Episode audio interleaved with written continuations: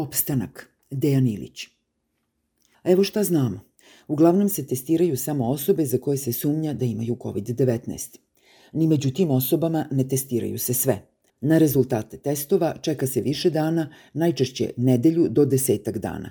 To znači da u podacima koji se svakodnevno objavljuju o broju osoba koje su zaražene, smeštene u bolnicu, na respiratoru i umrle, poslednja tri broja su aktuelna i odgovaraju stanju na taj dan ali broj osoba smeštenih u bolnicu opet nije reprezentativan, jer se jedan broj bolesnih ljudi vraća na lečenje kod kuće i ne testira. Tako ostaju samo potonja dva broja kao relevantna za situaciju u danu kada se objavljuju. Dakle, i broj ljudi na respiratorima nije reprezentativan jer ima pacijenata kojima je respirator potreban, ali im nije dostupan. Konačno, i broj umrlih od COVID-19 je varljiv podatak, jer ne znamo tačno po kojim kriterijima se izdvajaju te smrti. Sve ovo čitalac zna iz svog okruženja, ali isto govore i članovi takozvanog kriznog štaba. Notorni Predrag Kon na posledku je priznao da sa podacima u bazi o COVID-19 nešto nije u redu. Svako malo čitamo vesti o kašnjenju rezultata testova. Pa ipak tim zvaničnim podacima objašnjavaju se nove mere i upozorava se na zaoštravanje krize oko bolesti. Kada se danas uvode nove mere, one se podupiru podacima koji su bili relevantni za stanje od pre otprilike dve nedelje. Ili kada Brnabić kaže da su apsolutno jedini razlog za rast broja obolelih nedavni protesti, ona to ilustruje podacima koji su bili relevantni za dane pre protesta. Naravno, Brnabić je nebitna. Važno je nešto drugo.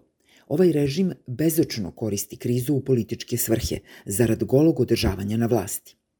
I još, kakve god da su mere, opravdane ili neopravdane, one u Srbiji kaskaju za bolešću barem dve nedelje. Politička i socijalna kriza.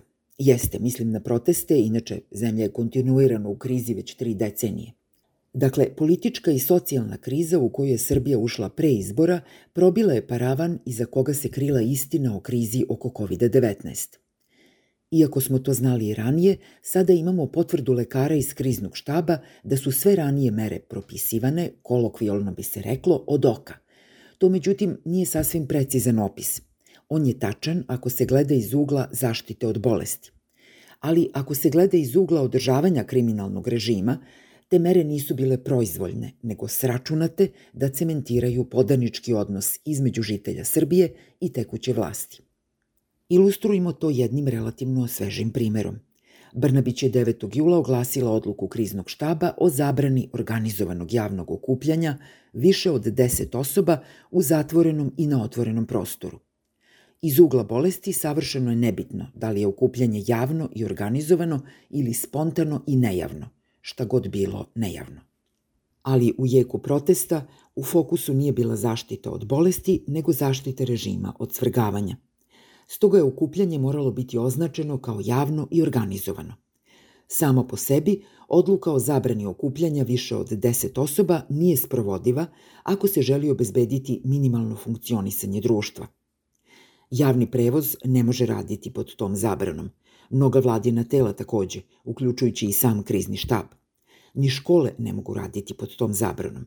Na primer, vi najavljujete ovu zabranu, ali ništa ne kažete kako će se realizovati ispiti na fakultetima i zapravo sugerišete da se nastavi kao i do sad. Čitalac naravno zna. Umesto nesprovodive zabrane, bilo bi pametnije da je Ministarstvo prosvete zajedno sa univerzitetima osmislilo prelazak na online ispite. Ali ponovimo, cilj nije zaštita žitelja Srbije od bolesti, nego odbrana režima od organizovanih javnih okupljanja. I dok vrh režima sa kriznim štabom upravlja Srbijom pod zarazom, ustanove poput univerziteta su paralisane. Domaći propisi ne poznaju polaganje ispita online. Kada bi univerzitet sada pribegao toj meri, to bi praktično bilo kršenje propisa. Ali nalazimo se u situaciji u kojoj propise više nije moguće ni promeniti. Nemamo legitimnu vladu, to jest ministarstva koja bi mogla da predlože nove propise niti imamo parlament koji bi o tim propisima raspravljao i eventualno ih usvojio. Bez toga, univerzitetu su vezane ruke i on naprosto ne može da se prilagodi uslovima pod kojima trenutno radi. Isto važi i za sve, inače razborite najave ministra prosvete o tome kako će izgledati polazak u školu u septembru, mešavina nastave online i sporadičnih odlazaka u školu. Ako se neko pitao kako izgleda bezvlašće, samo neka pogleda Srbiju danas. Slika je sledeća. Parlament ne postoji, vlada ne postoji. Umesto vlade imamo krizni štab. U Srbiji ne važe ustav i zakoni, nego sugestije, odluke i uredbe inače nelegalnog kriznog štaba. Sugestije, odluke i uredbe donose se na osnovu irelevantnih podataka. Pod krinkom zaštite od zaraze, krizni štab bezočno štiti nelegalni režim. Od bolesti se ne spasavaju žitelji Srbije, nego se od pada spasava kriminalna vlast. I da ne bude zabune, ne marim za sudbinu ovog režima, ali sam siguran da je neprocenjiva i neprihvatljiva šteta žrtvovati zdravlje i živote žitelja Srbije za njegov opstanak.